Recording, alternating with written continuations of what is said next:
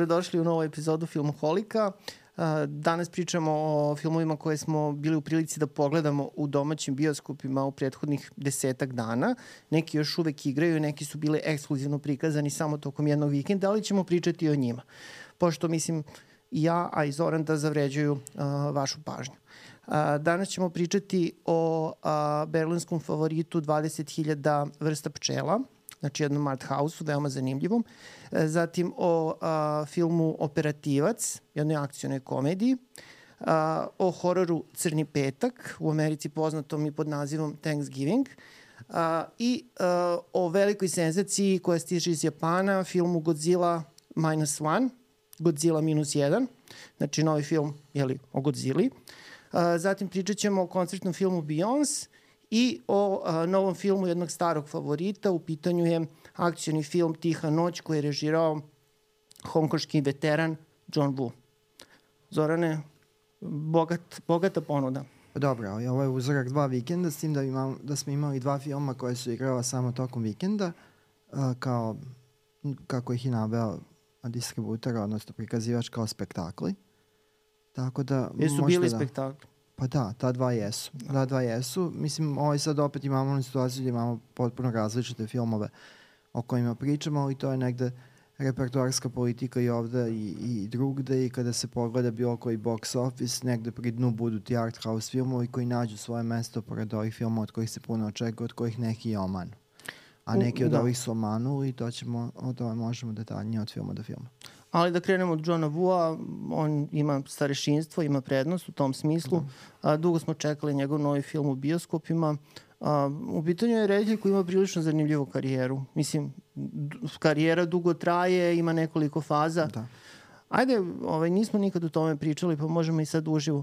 Kako se tebi čini ovaj dosadašnji Vuov opus? Pa znaš šta, mislim, ja, ja naprimjer dugo nisam, pošto ja sam Vuova spoznao ono, krajem, u realnom nekom vremenu, krajem 80. kada su bili aktuarni ovo tvrdo kuvano, Hard Boiled mm. i Better Tomorrow, prvi, drugi i ovaj Killer, ubica. Tako da ja nisam znao da on zapravo ima i neke na, na samom početku filmova koji pripadaju onom klasičnom hongkoškom borilačkom filmu koji mm. se događa uglavnom u prošlosti. Tako da je to bila neka priprema terena, ja sam to kasnije tek otkrio, ono u vreme pre interneta, to nije bilo ni moguće. Uh, ovaj, znati i on jeste, on jeste jedan od najvećih, ako ništa drugo, da ako mu se sve drugo negde zameri i stavi po strani, on jeste jedan od najvećih stilista savremenog filma. Njegov stil je prepoznatljiv, čak ne samo na nivou pojavnog, nego on je uveo on je uveo ovaj, čitavu tu ovaj, jednu, kao i da kažemo, mitopoetiku u akcioni film sa tom prikrivenom homerotikom, sa uh, tim uh, operetskim tretmanom priče gde je sve grandiozno i tako. Ovaj, a onda je otišao u Ameriku gde se snašao kako se snašao, uradio tih nekoliko filmova koji se smatraju veoma značajnima i uh, ja bar mislim, jedan. bar jedan, ja mislim da on u Americi nije našao svoju pravu meru. Ovaj, što je negdje za očekivati, on je otišao u zrelim godinama u trenutku kada su se 90-ih pa na 2000. Da događali veliki prevrati u, u, u američkom filmu u smislu onoga što se potencira kao požetni stil repertoarskog filma, on je reditelj komercijalnog repertoarskog akcijnog filma, ali mislim da će zadugo, bez obzira što sad pričamo o reditelju koji je 20 godina nije imao film u Americi, uh, uh, da će on još dugo, dugo ostati neko ko se povezuje sa tim što se zove over the top actioners, u smislu akcijni filmovi koji su do te mere prenaglašeni Uh, ne samo hiperestetizovanje, nego i akcija prenaglašena ili po srpski prenavučena. Da, onim, a, da to, a da to bude neodoljivo. Sa onim nezaobilaznim momentom kada golubice le, da, lete u nebo. redovne golubice i svi nose mantile i meni je ovaj, kožne mantile koje moraju negde se viore, tako da na, na, na nekom izdanu povetarcu. Meni je bio iznenađujuće u ovom filmu koji smo mi uh, sinoć pogledali, a, nije bilo ovaj a, nije bilo toga. Znači nosio je Joel Kinnaman koji glumi glavnu ulogu, nosio je mantil, ali nije nije zalepršao mantil ni u jednom jedinom trenutku. Leteli su malo baloni. A o tome možemo pričamo, da, o tome možemo pričamo, pošto je John Woo sad tokom ove kratke kampanje filma u nekoliko intervjua koji su dosta odjeknuli u onom svetu ko, koga uopšte zanima John Woo 2023. godine, pojašnjavao da kada je dobio taj uh, scenarij, on ga je iščitao kao veoma naturalistički, da to mora nešto bude griti, kao da bude sirovo i tako. Mm. I tako da je on svesno odustao od svog vizualnog stila za koji kaže da je kod, on je rekao za sebe u svoje ime, kod mene je uvek previše pucnjave i previše tog fancy pristupa, u smislu previše sve to nalickano. Ovde je hteo da bude nešto kao potpuno drugačije i mislim u toj meri je postigao. Sad, film nije posebno dobar, ali ajde za po, da pohvalimo nešto na početku za čoveka koji, evo da pomenemo, i to ima 77 godina i od 2023. godine nema film u Americi. Ajde, ne, ne. Ne. Sad je 2023. Ove, da, od 2003. od po, ovog filma Paycheck po, po priči ovog Filipa K. Dicka ovaj, da ovaj, za nekoga ko, ko sa tih, da stupa u ovom trenutku sa tih pozicija, ovaj, to lepo što je izmenio stil. Dobro, on se vratio u kinu ovaj, i snimao je tamo umeđu vremenu. Da. Snimao je te istorijske kostimirane spektakle. Možemo reći čak i da je napravio tu neku sponu sa prvim delom svoje karijere. Da. Na neki način. Ali mislim da većina ljubitelja filma um, ajde da kažem malo šira publika zapravo uh, Vua pamti po filmu, po filmu Face Off, uh, Ukradeno lice sa Johnom Travoltom i Nicolasom Cageom a, koji je, boga mi, bio, pa možemo reći, ovaj, a, 97. godine, mislim, popriličan hit. Taj film je onako baš odjeknuo i bio je kao neka, neki uzor za taj, to što si ti rekao, ta akcija veća od života, znači sve mhm. pretrepano, sve, znači, dodajte još, taj barokni akcioni stil. A, mi smo ga nedavno reprizirali, malo da se podsjetimo i tog filma u pripremama za, za Tihu noć i možda to i nije bilo pametno u smislu da Tiho da. noć je produkcijno mnogo svedeniji film a, akcionije, ima, ima tih spektakularnih delova, ali je mnogo, mnogo to svedenije sve. Mislim, prosto to je i zbog budžeta bilo neophodno, između ostaloga i zbog prirode priče. Da, i mislim da ovde, ovaj, uh, mislim da je Face Off, evo, to je moje lično mišljenje, mislim, pošto John Woo ima dosta poklonika među ovdašnjim filmom, filmima i dalje, da je Face Off jedan film koji ne treba dirati, u smislu ne treba ih reprizirati ja ga pamtim kao mnogo bolji, duši ja sam ga prvi put gledao na velikom platnu. Ovaj, što jeste prava što mera. jeste prava mera, ali nekako sada kada se gleda, s, mislim, iz vizure neko ko je znatno stariji nego prilikom prvog gledanja, mislim za se, pričam za sebe. Pa za sve. Ovi za sve. Uh, to upada, je četvrt da, veka, Da, četvrt veka upada, upada u nekako, jako upada u, u oči ta sumna buja od, od zapleta znači način na koji je to kao prikazano. Znači mi sad negde smo kolektivno svi upamtili te spektakularne scene akcije, ali zapravo ono što vezuje te akcijne segmente je priča koja je zaista s Bogom pameti. Dobro, možda bi bilo zanimljivo da jednu posebnu epizodu ovaj, posvetimo Johnu Wu i njegovom, njegovom da. opusu. Da. Ali ono što je za Tihu noć zanimljivo jeste da je priča, kada pričamo, eto već, kada govorimo o, o, o narativu, kada govorimo o scenariju, ovo je onako najsvedenija moguća varijanta, a, priča o ocu koji gubi sina i odlučuje da se osveti, osveti. za to. I to, to, to tokom... Je, to je baš rutinski zaplet. 25. Da, decembra, jeli? Da. Od godinu dana nakon toga što izgubio sina, kreće u nakon povrede gotovo smrtonosne, on kreće da ovaj, to. E sad zanimljiva stvar da to pojasnimo, a bilo je negde, ne znam da li je to jasno iz trailera, ali bilo je negde tokom tih prvih tekstova, ranih tekstova filma, onako, oni koji prate to pomnije, isticano da ovaj, uh, uh, ova Tiha noć, Silent Night, jeste prvi film u 20 godina na engleskom uh, Johna Woo, da, njegov, da, da. ali u filmu gotovo nema dijaloga. Ima, ali veoma malo. Da. Jako, jako malo. Ono što čujemo od engleskog jezika, pošto je film snim, sniman za američko tržište i rekao bi se u Americi. I dešava se svakako u Americi. Da.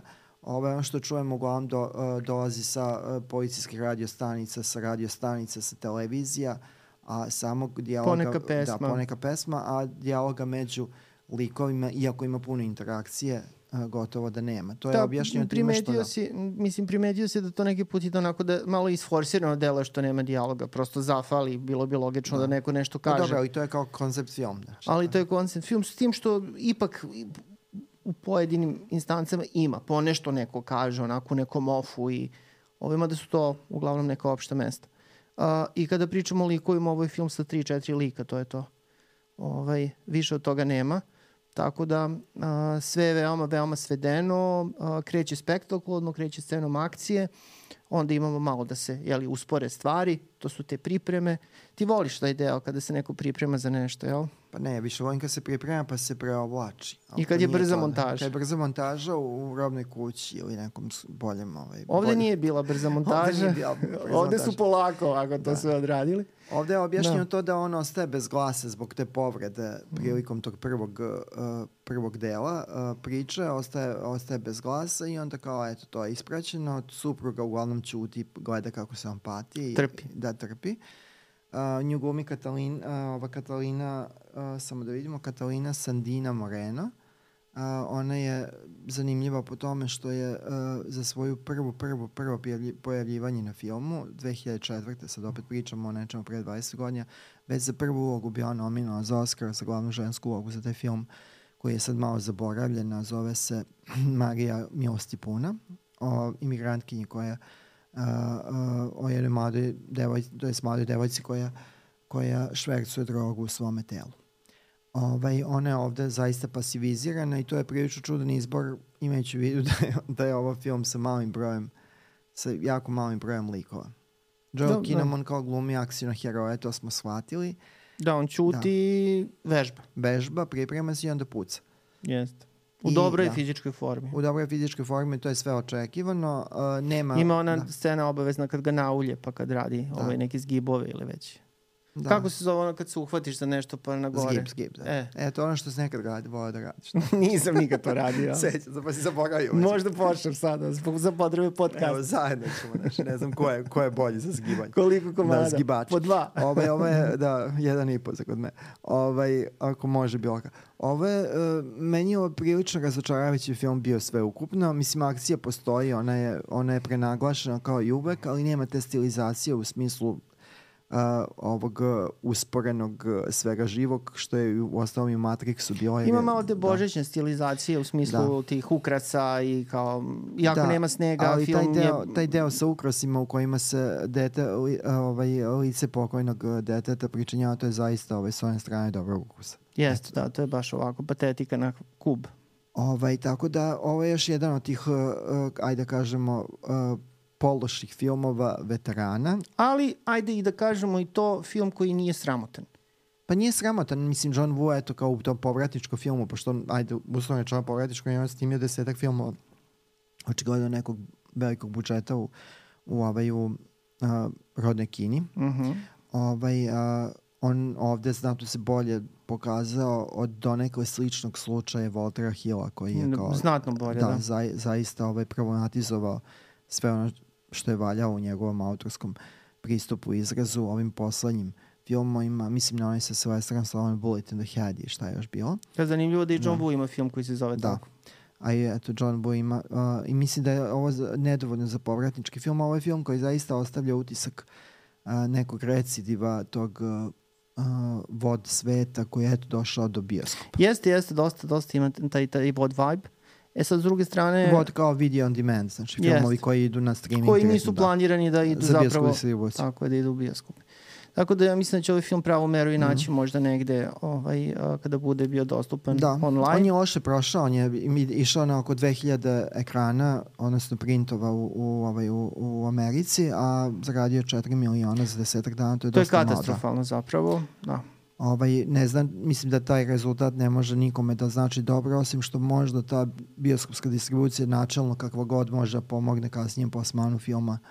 A, Misliš da ga bolje prodaju pa da za ga bolje televiziju? probaju za televizije, za kablovski i slično, jer prepostavljam da kada dođe do ovog slučaja da nešto omane, da onda dolazimo do toga daj šta daš, kao uđe voda uši pa se prodaje da se negde. Mada mislim da je ovo film koji je zapravo prodat unapred Pre-sale. da pre-sale da je tu odradio i da zato imate neke relaksacije u smislu da ne mora sjajno prođe, ali jeste, mislim, propuštena šansa jer kao John Woo ponovo radi savremeni akcioni film. Imamo Joela Kinamona koji pokušava da se plasira kao leading man, još nije uspeo u tome. Pa dobro, teško da će uspeti, Da. mada on, nije, on, on je dobar glumac, Znači kao ali... tumač glavne uloge, da nosi čitav glavnu ulogu. Imamo taj koncept da nema dijaloga i da je film gotovo u nekoj, dat u nekoliko akcijnih pasaža koji su Mm. blago povezani nekakvom radnjom. Tako je. ali ovaj, kad se sve sabere, ovo nije dovoljno. Dobro, mislim za naš stare Vukove koji volimo Johna Vua i koga se sećamo ovaj, iz tih nekih ranijih dana, odlazak u bioskop je neminovnost da. bio. E sad zanimljivo je da on radi, Ali- da pomenemo da radi uh, ubicu kao remake. Da, The Killer, nova, nova varijanta. Remake je samoga sebe, Omar Sy glumi glavnu ulogu. Ne, on glumi uh, epizodnu ulogu, Aha. znači drugu ulogu, žena će biti glavna. A, to je ova Natalie Emanuel, da. Ovaj, uh, ovaj, uh, to je dosta jedan projekat koji se dosta u Hollywoodu... su tu zapravo dve velike uloge, Da. tako da je to onda to. On se Ovaj, dugo da. muči, ovaj uh, film u Hollywoodu bio je viđen za Richarda Gira, za razne te, pa je onda ubačen i lik žene uh, Michelle Yeoh u jednom trenutku u projekat uh, da bi se kao malo suzbio taj homoerotski ton koji su ljudi videli u prvobitnom ubici. Mhm. A Nicolas Cage se godinama nudio, što je veoma zanimljivo imajući video da su oni radili zajedno uh, dva filma i to dva Mhm. mm. hita, ali tako, ova slomljena strela i uh, uh, ovaj A, uh, ne. Travolta je uslomljena Da, strelja. da, Wind, Wind da. Talkers. Wind Talker, da. Da. E. Radili su dva filma zajedno, Nicolas Cage se nudio uh, javno kad god je bila prilika da se o tome priča, nudio se da bude u, u, u, uh, u američkom ubici u viđenju takođe Johna Vua, ali eto došlo je čak i do eto polne inverzije. Dobro, eto Peacock je preuzeo sada Da. projekat, tako da verovatno negde tokom sledeće godine će Da. to biti znači to dostupno. se snima, ajde, da, tako. I ja mislim da nije još krenulo snimanje, Da. ali samo što nije. Dobro. Tako da eto, ajde vidjet ćemo. Neka ovaj film bude neka vrsta zagrevanja i pripreme za Mhm. sad tu novu fazu i povratak u Hollywood, pa ja ne bih otpisivao John, Johna Vua. Pa dobro, to su ozbiljne Nisam godine. ni Argenta, da. tako da onda ne, ne, to neću ni Ti si Vua. odan, da. Pa jesam. Ja ali sam dobro. Anti-geronto ostrašćen. E, voliš i ti da. Da. pogledaš. Radovali smo se obojice pred ovaj film. Sada malo manje se radujemo, ali dobro. U svakom slučaju, to je tako kako. Ja sad idemo na hitove. A, o, i velika jedna novina a, što se tiče bioskopske ponude ove godine se desila, to je a, prodor koncertnih filmova među prvoplasirane, među najgledanije. A, Taylor Swift je a, napravila poprilična žrtva i sa svojim a, koncertnim filmom, evo sada nešto slično, mada u manjoj meri, kada pričamo o tom komercijalnom efektu, radi Beyoncé. Da. Mi smo pogledali njen film Renesansa, uh, film bi, uh, koji je režirao Beyoncé, to je naziv, film by Beyoncé i ona vodi se kao da je Ona je alfa i omega alfa ovoga i omega projekta. tog filma. Šta je ona To radila? je koncert, Producirala, pevala, igrala. pisala scenariju, da, da. glumila, režirala, pevala. Ona piše svoje Da. pesme. I dopada bi između ostalih piše, pošto te pesme sad imaju ono 87 autora svaka, tako da ovaj, dok ne završi se.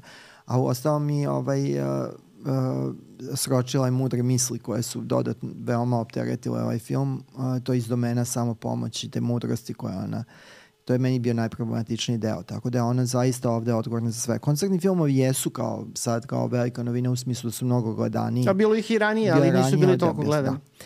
A to je posledica korone. Mislim, to je nakon korone krenuo i posledica jednog prostog, uh, ovaj, proste činjenica, to je da uh, drastično je opala prodaja, uh, prodaja albuma i u fizičkom i u digitalnom izdanju. Vinil se vratio, ali ne u dovoljnoj meri da se sada mlate pare kao što je nekada bilo. Jedini način da se zaradi uh, ako si muzičar velikog kalibra, to su koncertne turneje ko, u koje opet treba puno i uložiti. Ovaj, a, kada je to tako, a većina ljudi ipak neće otići iz ovog razloga, neće ispratiti nečiju turneju, koncertni filmovi su se nametnuli kao ovaj, a, kao ovaj neka puka potreba da se popuni repertoar, a onda sad zahvaljujući dodatno uspeh, zaradi. Da se dodatno zaradi. Taylor Swift je otišla zaista daleko, to, je, to su već e, stotine i stotine milijana zarađenog e, na osnovu ovog filma koji je zabeležio turneju Era, ali ovaj film Beyoncé za razliku od Taylor Swift donosi i taj deo koji se tiče onoga što se zbiva iza, iza scene. Da, u E, da kažemo, da. što se tiče ovog filma uh, Taylor Swift, mislim, to je samo koncert. Ništa tu nema van, van Da, toga. ja sam među vremenu saznao da je 5-6 pesama odstranjeno sa repertoara aktualne turneje, nisu ušle u film. Da bi bio kraći. da je bio da. kraći, onako je zaista dugačak. Jeste. Isto kao i ovaj film Beyoncé. Da. Da. se Beyoncé kaže, ne Beyoncé. Pa Beyoncé. moram Beyoncé. Beyoncé. Pa naglašeno je. Beyoncé, dobro. Mislim ima kvačicu. Mislim, meni je ona velika nepoznanica, Crnicu. znam ko je, ali nešto nisam slušao uh, njenu muziku. Pa dobro, da. Ma Nisi si mi- radio s gibom i nisi slušao Beyoncé. Može sad da počnem jedno i drugo istovremeno.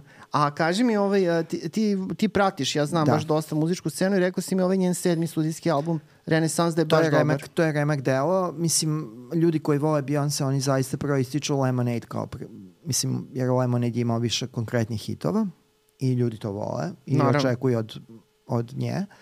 Ali ovo je, e, ovo što je ona ponudila na poslednjem albumu, to je zaista, mislim, čudesno u smislu da je to uh, jedan futuristički sol. Ajde, ja ne volim taj naziv R&B, pošto rhythm and blues je nešto što ja shvatam drugačije.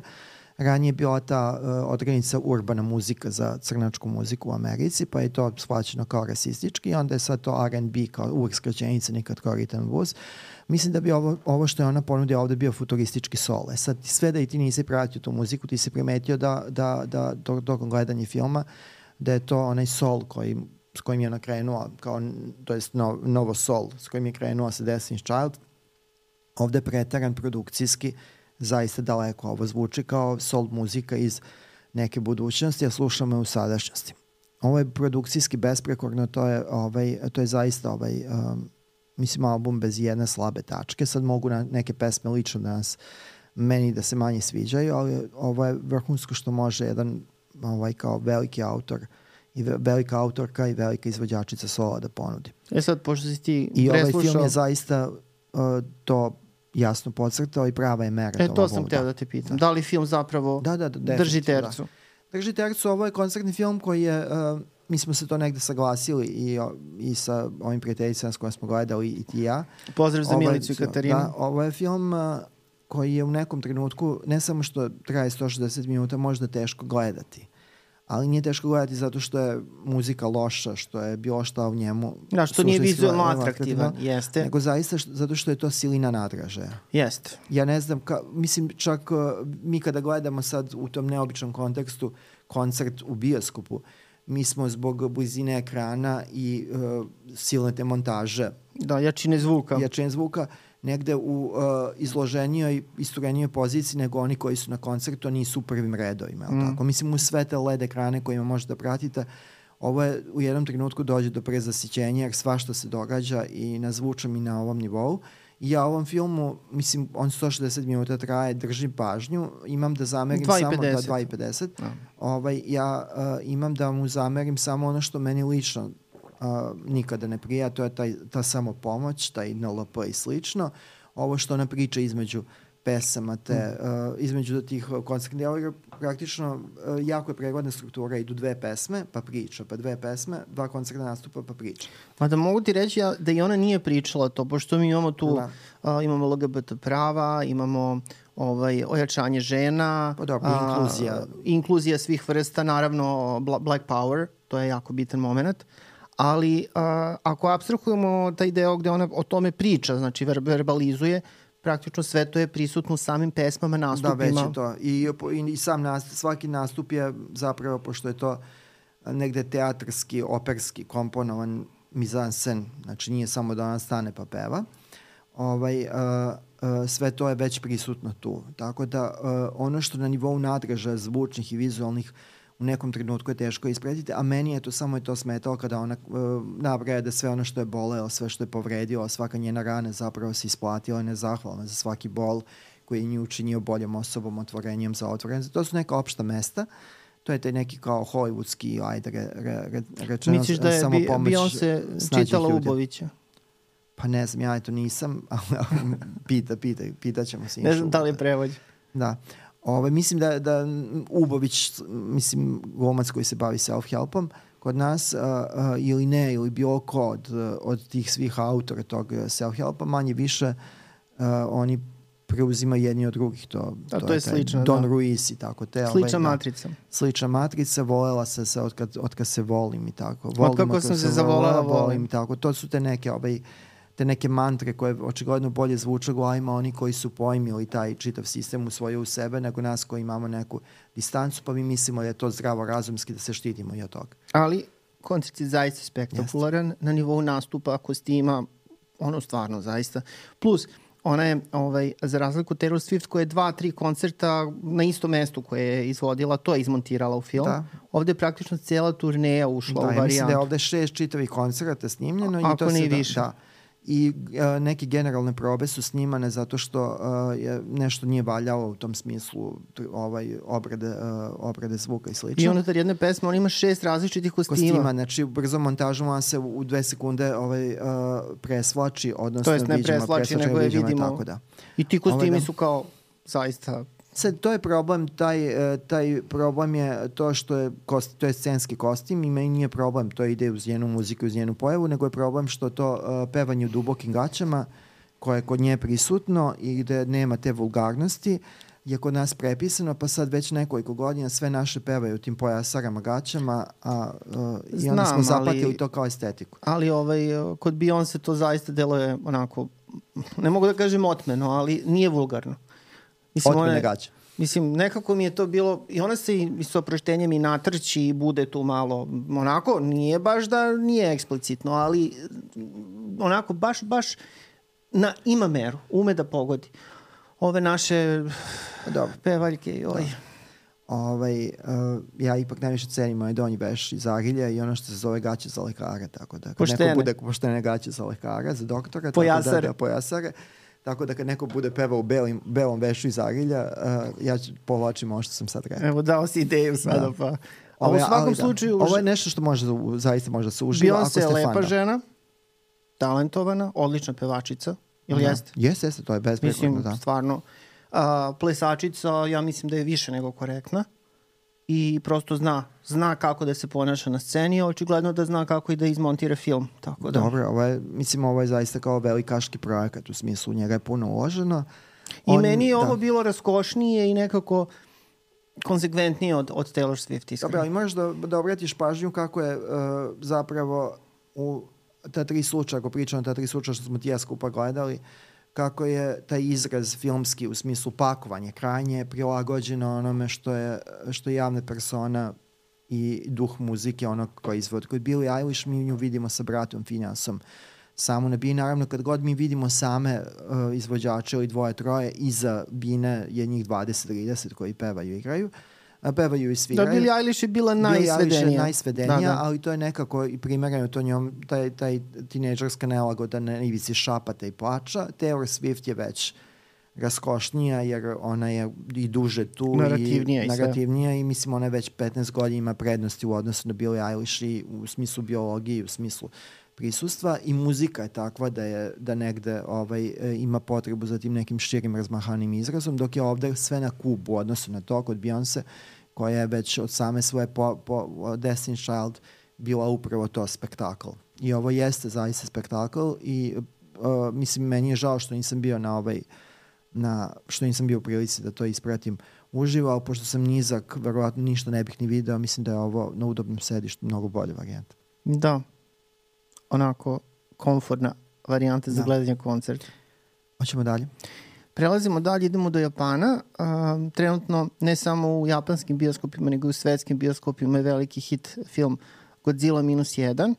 Uh, film koji traje, da kažem, podnošljivih 2 sata i 5 minuta, što je za jedan spektakl onako prilično svedeno trajanje, rekao bih. Uh, u pitanju je 33. film a, a, a, Taho studija o Godzilla, a ukupno ako je ove američke filmove o Godzilla ovaj, uključimo, to je 37. film o Godzilla i premijerno je prikazan... A drugi u ovoj, u ovoj seriji. Mm, Nije drugi, ja mislim da je čak, to je sad neki novi podciklus, da je ovo treći, četvrti film, Mhm. kada pričamo o Japancima. Um, I prikazan je 3. novembra ove godine na 70. godišnjicu a, premijere prvog filma o Godzilla. Tako da je ovo zapravo i slavljenički film koji proslavlja 70 godina čudovišta. Um, Uh, u filmu se dosta dobro, ovaj, uh, dosta dobro, dobrih stvari smo čuli pre nego što smo saznali da će za jedan vikend igrati u našim bioskopima. Zapravo Adam Molo je samo igrao, jel? Da, da, samo tamo. I Uh, 4D sala. 4D sala. To je ona sala sa onim sedištima koje se drmaju, a, sa parom i kad, ne znam, Godzilla skače u vodu, vas malo neke kapljice zapljusnu i tako dalje. Ima Da, znači, vetra evo, i... Moja preporuka za tu salu, te god da se nalazi u bilo kom bioskopu, ako imate problema sa kamenjem u, u, u bubrezima, to je ovaj sjajan izbor. Ako imate problema s kičmom, onda, onda budite oprezni. Svako svoju muku prvo meri. tako Jest. Da. O, u svakom slučaju, uh, Nova Godzilla u režiji uh, Takashi Yamazaki, jednog iskusnog uh, japanskog uh, reditelja, kome je ovo, ne znam već koji spektakl koji je radio. Mislim, ovo je onako baš, ovaj, što bi se reklo, um, gospoština jedna. A, film je smešten a, neposredno nakon završetka drugog svetskog rata. Svi znamo da je Japan izgubio, a, izgubio drugi svetski rat. Znamo takođe da je Godzilla na neki način i bila odgovor na taj, a, na taj poraz Japa, Japana u, do neke izvesne mere. Pričamo o ovoj izvornoj Godzilla. A ovo je jedan dramski film koji je praktično pre svega fokusiran na likove, na lik jednog mladog kamikaze koji odlučuje da se ipak na kraju samog rata ne žrtvuje i ne, ne ubije, samo ubije, jeli? Ovaj, I koji zapravo a, sreće tu Godzilla u nekom manjem obliku, dok još nije porasla, a nakon toga nekoliko godina kasnije a, postaje a, u posleratnom Japanu postaje deo jednog tima koji zapravo a, more i okean, to okean ili more? Ja sad ne mogu da se setim tačno, ali u svakom slučaju vodene površine oko Japana ovaj, um, um, oslobađa mina i tako dalje. Jel? Da, sa ostalih mina. I naravno, u jednom trenutku, paralelno imamo njegov privatni život, šta se tu dešava, jeli, ovaj, na emotivnom planu, a, prijateljskom planu, a tu se naravno onda neminovno pojavi ponovo i Godzilla koja, da. koji postaje sve veći i veći. Pošto Godzilla, ja sam mislio da je to ženka, pošto kao Godzilla pa se završava na, ali zapravo Godzilla je muško čudovište. Da, ili kako, kako bi, pristavljen, da. Ili kako bi rekli japanci, Gojira. Gojira. Dobro, ovo je, ovo je zanimljiv film za pogledati. Uh, ako vas interesuje kako, šta je nužno da, da, da danas film uh, dobije epske razmere. Uh, to je ovde meni bio najzanimljivije. Znači, ovo je kao baš epik. Godzilla yes. su bivale spektakli, ali sad je naprav, postojao potreba da se negde izmesti. Godzilla je otišao u rikvrc dublje u prošlost. Znači, mislim u tu prošlost kao traumatičnu. Zanimljivo je da i ovog puta ne pominje se poraz konkretno koji, šta i kako. Da, to se smatra kao nešto što se da. zna, jel? Pa ne, mislim da se ne zna, nego koliko se ja saznao u Japanu kada obeležavaju uh, ono što, onaj užas u Hirošimi i Nagasakiju, oni ne pominju nikad uh, ko ih je uh, gađao nuklearnom bombom, oni imaju tu, uh, uh, tu kulturu prečutkivanja. I ovde je to, mislim, iz tog, da, da to izlazi iz tog kulturnog uh, obrasa njihovog, uh, ovo što se sve pominja zapravo se prećutkuje uh, ono što je suština te priče i tog poraza i šta je dovelo do tog poraza i šta je dovelo do takvog krajnjeg ishoda da mora se završiti tako, da je moralo u proceni neki da se završi tako. Uh, ali ovde je sve, uh, sve u funkciji epika. Jako dugačak uvod uh, i ono što tu onda mogu pomenuti, ono što je meni zasmetalo u ovom filmu, to je potreba da, da se psihologizacija iz našeg perioda pretera u ono vreme. Uh, glavni junak je kamikaza, ovaj, uh, kamikaza pilot koji se uplašio i nije ovaj završio svoju misiju, nije poginuo, čime kao u nekom trenutku, makar u onoj sceni sa komšinicom, biva žrtva osude. Proglašen kao izdajnik, neuspešni čovek, propal, propalica, jer nije ispunio svoj zadatak i zbog toga se sve dogodilo nekima drugima. E, to je negde psihologija, e, ta psihologija traume je psihologija našeg vremena, a ne psihologija vremena o kom se ovde govori, poratnog vremena, ljudi tad nisu imali ovaj, uh, nisu imali uh, mislim, svo, softvere da eksternalizuju svoje traume tog tipa. I mislim da je to dana koji se dao, dana koji je dat ovde, uh, da bi se ispunio uh, uh, krajnji cilj, to je da se napravi epik i da, i da bude film pojemljiv današnjem gledalcu. Znači imamo tačku A, B, C. Dobro, onda. i da ima to dramsko utemljenje koje je jako, jako bitno tu, pošto bez da. njega ovo drugo delo je prilično besmisleno sve. Da. Mislim, mogli su oni da snime film gde da. čudovište da. ide i samo ruši, ali... Ne, mislim da, da mogo, mogo je da bude sve i bez, tog, bez svog prenaglašavanja njegovog bola što, što je kukavica. Jer mi nekako po, po znanju, po instinktu, po svom filmofilmskom metraži, iskustvu, znamo da će on jednog trenutka to, uh, taj svoj čvor razrešiti Dobro, i postati ali... proaktivni ti da. dobro znaš da je, to, da je to film svoje kulture, tako da. da se ta japanska kultura vidi u tom filmu dosta. Da. Tako da, eto, kome je jedna digresija, kome je preporuka, kome je do uh, uh, priče na tu temu, ja predlažem da pročitaju kratki roman Lovac nula, Pascal Rose, francuska knjiženica napisala kratak, ta kratka francuska proza sa tačke gledišta uh, kamikaze. Eto, to je, to je još in, interkulturno jedan eksperiment, pošto kao francuski piše o, o kamikaze pilotima japanskim iz drugog svetskog rata, ali mislim ovde je manje više sve na mestu. Ovo je taj, to je kao epik i spektakl i mislim sad kad bismo zalazili u pitanje fizike kretanje čudovišta, to bolje ne. to bolje ne, to da ovde bi film, kao i svaki film u taj cinizam paranaučni koji mi sebi nekad To moramo da prihvatimo da, tako kako inače. Onda, teško bi bilo koji film izašao.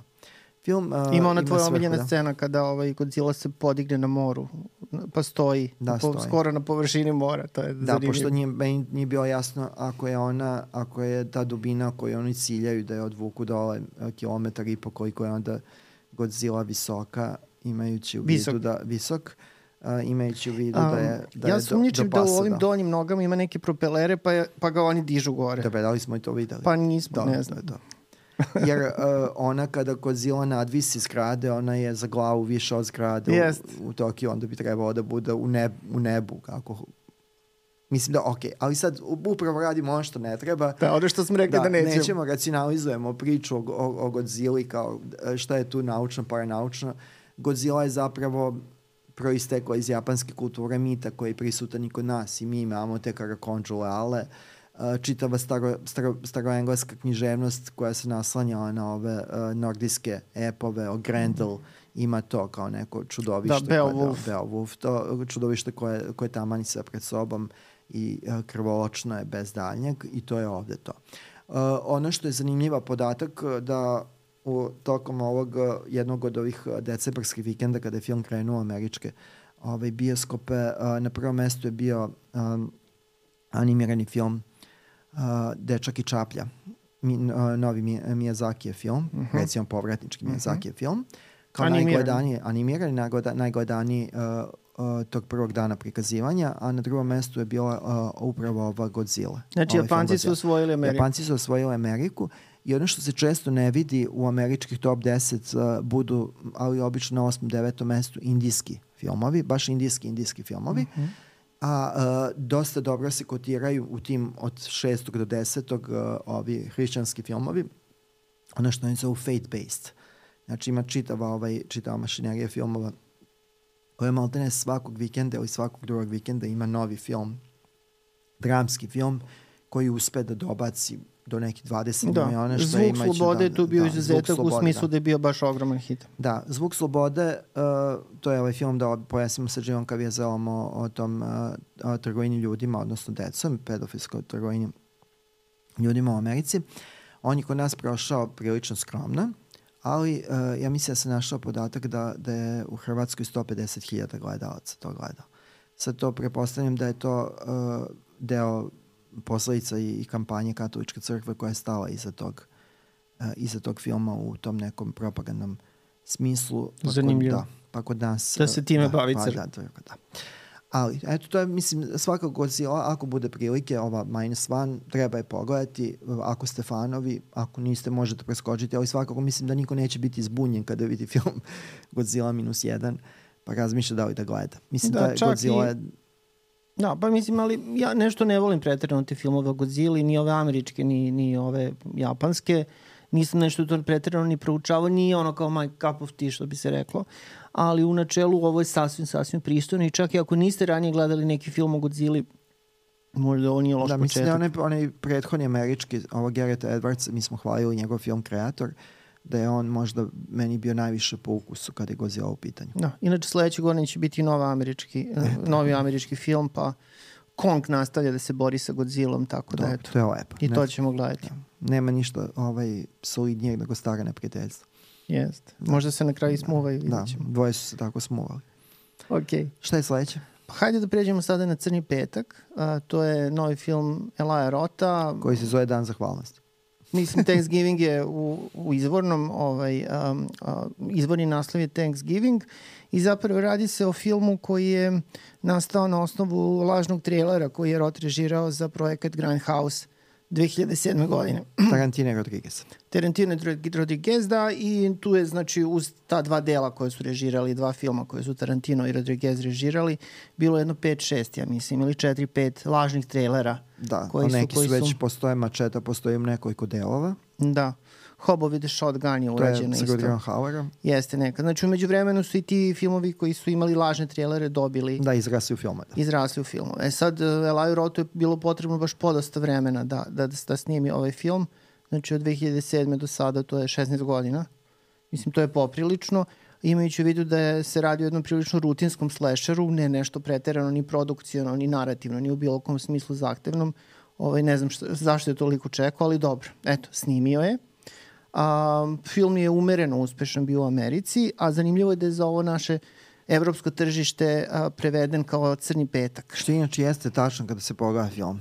Da. Znači, da. da. Ovo je film koji se zove Dan zahvalnosti, ali uh, ovo što se zbiva u skorijem delu te priče, novijem delu te priče, je zapravo eho događaja godinu dana ranije, kada je nastao stampedo prilikom Crnog petka, a to nije bio Crni petak, nego Dan zahvalnosti, znači dan ranije, uh, jer je taj uh, mega market ili šta već, znači njihov Lidl, bio otvoren i na dan zahvalnosti, pa su ljudi nagrnuli da uh, i tu ima jedan zanimljiv kopča sa Srbijom, pominje se baš u sceni kada uh, viču, uh, kada jedan od uh, zaposlenih kaže biće uh, ovih uh, uh, aparata za wafle za sve.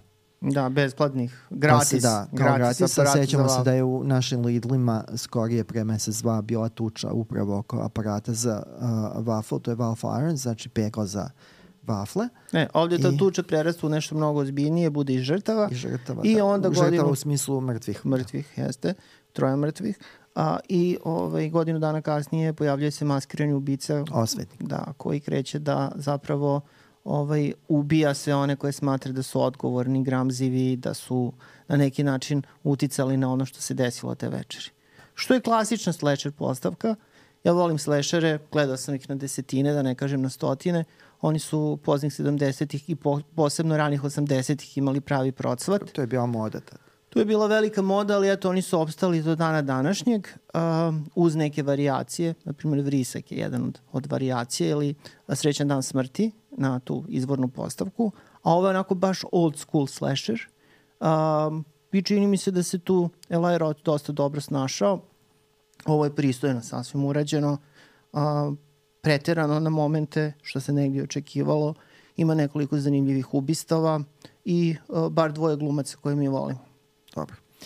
Ja nisam baš u toj meri zadovoljan, meni je ovo kao u najboljem, najbolju ruku rutina i, i nekako je nedostojno nekoga uh, o kome se ispredaju te legende kao m, on je bio pre 20 godina viđen Ali Zoran kao veliko novo ime. Pre 20 Pre 20 godina je bio viđen kao uh, preporoditelj horora i gotovo sve prilike od tada je ovaj, manje ili više prokockao. I da, čisto da, da podsjetimo ljude, znači Eli Roth je uh, skrenuo pažnju javnosti svojim uh, filmom uh, Kevin Fever uh Mhm. -huh. i nakon toga je režirao dva Hostel. nastavka filma Hostel. Znači to su bili uspešni i primećeni filmovi um, i komercijalno, a i među poklonicima horora voljeni.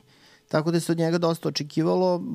Čini mi se, i tu, tu smo saglasni da zapravo ovih proteklih 20 godina i nema nešto preterano puno tu naslova iz njegove filmografije da, za, to je, za neku mislim, to je, bezuslovnu da, preporuku. Ma da, Zelen Inferno, to je zaista ovaj, nije vredno pomena.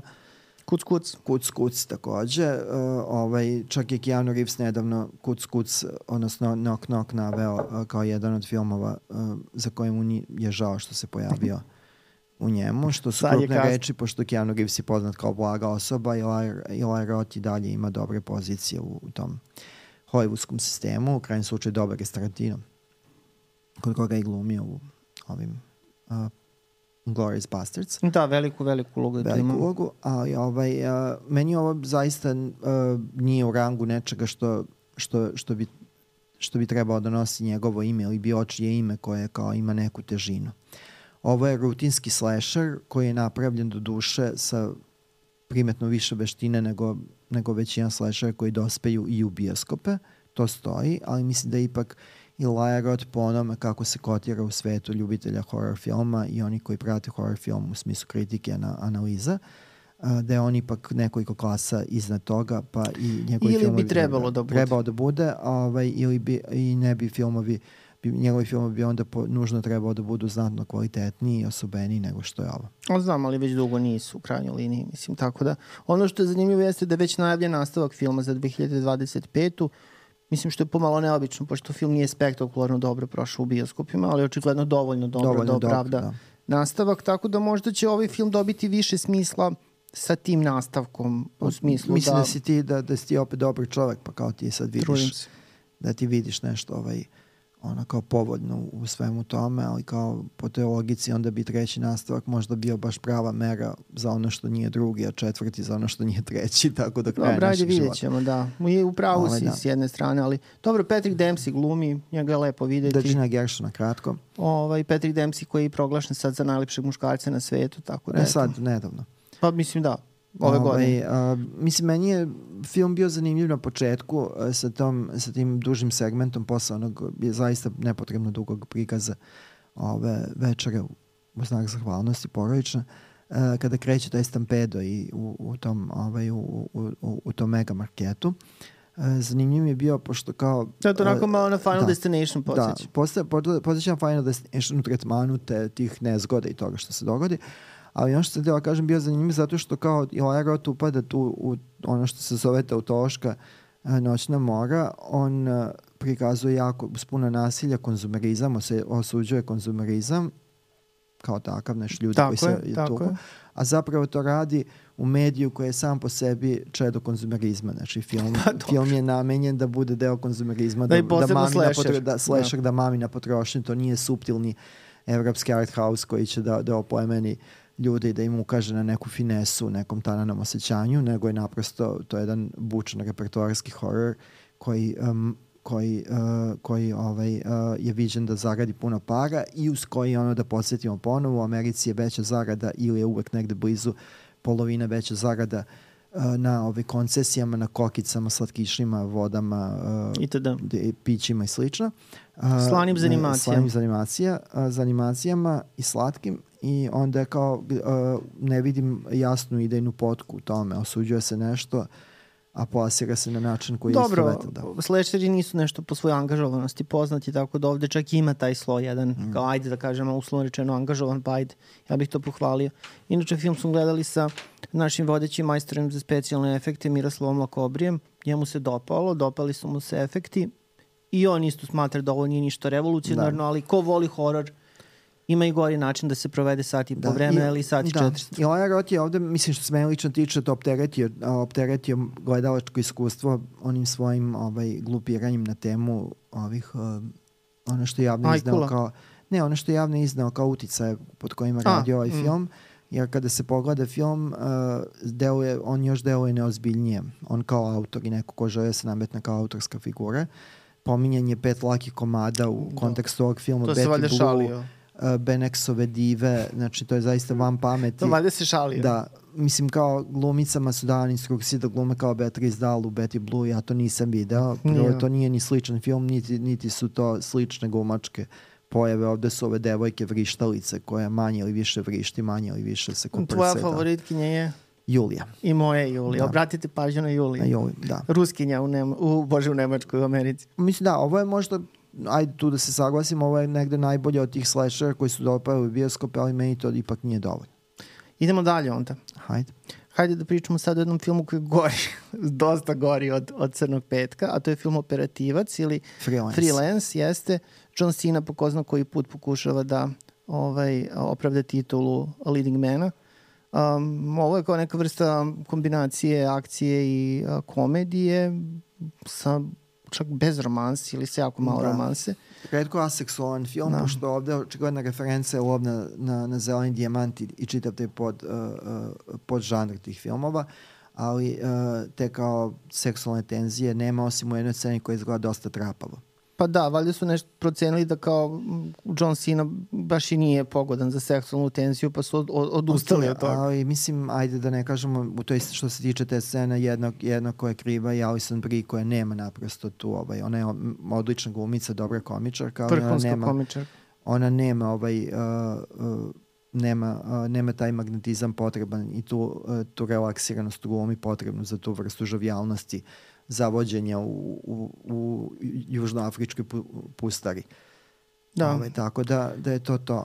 Mislim, to je jedan film koji je kao gledljiv, ali koga opterećuje dodatno činjenice da ga režirao Pierre Morel, od koga smo očekivali mnogo, mnogo bolje. On je autor nekoliko baš dobrih filmova, kao što su 96 sati. To je Taken. Da, ovaj, uh, District, okrug 13, District 13. Da, koji je najvećim delom i sniman kod, uh, kod, nas. kod nas. Mi smo da. čak i bili na snimanju, na snimanju da. tog filma. Mislim, nešto bili smo tu da, iza ograde. Da, IMT Rakovica, da. da. Ovaj, I režiruje onaj film koji mislim da i nije toliko loš koliko se sećam iz Pariza s ljubavlju. To je bilo dosta pristojno. Nisam baš siguran. Dobro. To ali, je... okay, ali to su otprilike ta neka tri filma koja predstavljaju te gornji dom njegove karijere. Da. To je sve negde do 2007. 8. se i okončalo. U ovo poslednje vreme on baš i nema čime da se po, pohvali. Da, on je uradio jedan spe, ratni spektakl u Saudi Arabiji ili Emiratima. E, to nismo gledali. Da, to nismo gledali. Ali ovaj, on, zanimljivo da ovde i u operativcu čak i akcijne scene ne deluju posebno dobro, a Pierre Morel je reditelj akcijnih scena mm. i njegovi filmovi su upravo zbog te sugestivnosti akcijnih segmenta i bili uh, kada su dobri bili još bolji uh, zahvaljujući tome što je on uh, stajao iza svega u rediteljskom smislu. Ovo je znači jedna nespretna roman, jedna nespretna avantura. Da nije romansa. Da, romansa o priča o operativcu koji odlazi, koji je povukao se u miran porodični život, gle čuda. Zbog povrede da, kičme. Da, zbog povrede kičme i odlazi ipak na još jednu misiju. Stari kolega ga poziva, on odlazi u pratnji uh, jedne novinarke uh, nekada cenjene umeđu vremena osramoćene koja ide da intervjuiše u Južnoafričkoj, uh, neku Afri, izmišljenu južnoameričku zemlju, da intervjuiše tamošnjeg di, mladog i seksi diktatora. Da, Juan Pablo da. Raba ga glumi, mislim da on je naj ovaj, prijatnije iznenađenje da. ovde od, od svih. To je neki argentinac koji igra u telenovelama, kasnije igraju u Narkosu. Da, i prešao u da. Ameriku da. među vremenu. I, uh, on je čovjek od da. nešto tipa 45 da. godina. Da. Ali dosta je dobar. Da, on je ovde najbolja stavka. Alison Brie, ko, koju mi volimo i cenimo, ovde izgleda kao da je pozajemljena, kao kad futbalere pozajme. Pa oni se, a onda oni na pozajmici čuvaju se da ne, ne povrede nogu. Tako kao da, da su da, otvorili listu glumaca, da. glumica koje su kao bile, koje su koštale kao do te neke određene mere, rekli ajde pa ajde. Ne, mislim da ona bukvalno ovde ovo, ovo, ovo izgleda kao, kao odmenska glumica, znači tako da ovo kao on ovaj, kofalgin umesto kafetina, eto, to bi bio opas. Sad da li, I ne da li uklapa se u njen da. opus uopšte. Da. E, uh, Ellie Siv isto, ona glumi suprugu ovaj Johna Sine. Dobro, šta tu, šta tu reći, ona da. kao tu ima neke... Mi smo je zvali Vera Matović. Vera Matović, pošto ima, Vera Matović ima i čuveni single uh, zove, zove, Dođi mi dođi, pusti me na miru, je tako se Ellie Siv ovde ovaj, ponaša, grdi ga, odbaci ga, izbaci iz kuće, onda kaže pa gde si pošao, pa ne Ti si moja da ljubav, ljubav da. Yes. Marš Tako da, napolje, da, dođe da, da, mada mislim, dobar deo gledalaca ja mogu da se ovaj, negde prepoznaju sa osjećaju sa tom vrstom ovaj, bipolarnosti. bipolarnosti u odnosima. ovaj, tako da, ali zaista film koji nije duhovit, koji nije zabavan, eh, u nekom trenutku postane uh, izaziva ravnodušnost. Nije za bioskop leta, da. ako peglate nešto može da ide u pozadnju. Da, ovaj, naprosto bi jedna propuštena prilika. John Cena definitivno može, može mnogo bolje, on je izrastao u dobro komičara mm -hmm. i ovaj, Alison Brie u, u svemu drugom je do sada bila znatno bolja. Ja Sinu ne volim baš nešto preterno, jedino ga tolerišem mm. u epizodama, ali dobro, ajde. Dobro. Šta ali da generalno gledano meni on uh, sa jedan od upotrebljih akcijnih glumaca istog višeg ranga i mislim da je uz bolji materijal i on mogao biti uh, uh, znatno bolje, jer ovde opet dolazimo do one stare pitalice kako biti dobar uh, glumac ili glumica u, generalno loše filmu ili nečemu što je loše koncipirano i začeto, tako da to još niko nije ovaj, razrešio tu, tu mozgalicu, tako da ovaj, uh, ovaj film koji je potonuo na blagajnama i evo sad mi, mi ga pominjemo i pitanje je ko će još. Sad i nikad više. Da, ovo je film za kablovske, za, za jedno ovaj, površno za površno gledanje uz malo ovaj, uz pad koncentracije, eto tako. To je. Prelazimo sada na malo klase, idemo u Berlin, jedan od filmova koji je na ovom sad Berlinskom festivalu, kad je to, februar, jel? Januar, februar. Pa da, februar. Da, 2023. Znači dosta, dosta dobro primećen. Radi se 20.000 vrsta, filmu 20.000 vrsta pčela. Španski film, rediteljke, ja ovo moram da pročitam, izvinjavam se. Naravno. Estibalis Ere Sola Sala Guren. Zvaćemo je Ceca. Eto. To je uvredljivo, prilično. Pa ne, nego mislim, ajde ponovi se. Inače, da u pitanju jedna žena od 50 godina, debitantkinja, Ovo je znači prvi film. Ne, ovo je savršen film, mislim, da. šalim se, meni samo ime, ime je neizgovorljivo, ali dobro, i naša su, vjerojatno, sve da, te tačke. Da, ovo je, pa sad ono izgovara Đorđe Bajić ili Zoran Janković, da. žena je bi ona bila. U svakom slučaju, stvarno dobar film. U Berlinu je dobio nagradu za najbolju ulogu, pošto u Berlinu su ukinuli ono muška ženska muška, uloga. Muška ženska, da. A, I ovo je zapravo instanca kada je nagradu u Berlinu po prvi put dobio neko ko je toliko mlad. Devojčica od 9 godina je dobila da. Koja je inače glumi dečaka koji želi da bude devojčica. Da, ali, ali je ona devojčica. Koji se osjeća kao devojčica, da. Tako da, ovaj, da, ovo je, ovo je zaista divan film, ono, uh, kad spojimo te dve reči, divno odličan. Ovo je divno odličan film, uh, drama jedna identiteta i za razliku ono što ljude često provocira i kada gledaju, na primjer, što se desi u slučaju uh, Strange World ovog Disneyevog uh, crtanog filma i, i čitave Disneyeve palete filmova u poslednje vreme, pa se ljudi bivaju iziritirani tom novom po, woke kulturom, odnosno novom novorođenom woke, uh, woke uh, uh, pro, uh, novorođenom ili vaskrslom uh, političkom uh, korektnošću. Ovo je uh, u tom smislu na ideološki toj strani ili u nekoj meri na to, ali potpuno ovaj uh, kao jedna parada subtilnosti. Znači ovo, ovo može da bude ogledna vežba o tome kako simbolizam funkcioniše u, u filmu koji je naturalistički, odnosno realistički postavljen. Kažu da je ovo između ostalog između ostalog i neka vrsta odgovora na jedan zaista fenomenalan španski film iz 1973. godine Viktor Erisa, Duh košnice. A, to je remek delo, to je zaista ono, jedan od najboljih španskih filmova ikad, ikad snimljenih. Tako da ovo jeste neka vrsta a, odjeka toga.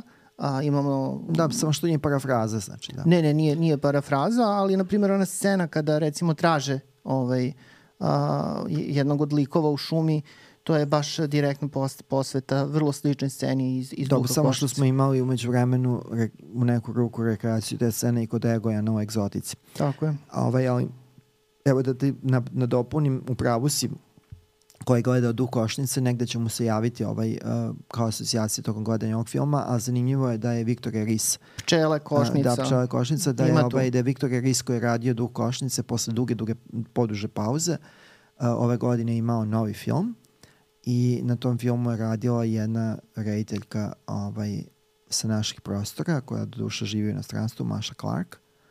Tako da, eto, uh, bilo je nekakvog srpskog uh, inputa i u njegovom povratničkom filmu. Kad ćemo to očekivati? Da? Kad, kad se uh, može očekivati to da gledamo? Pa ne znam, da li on možda već bio prikazan kod nas.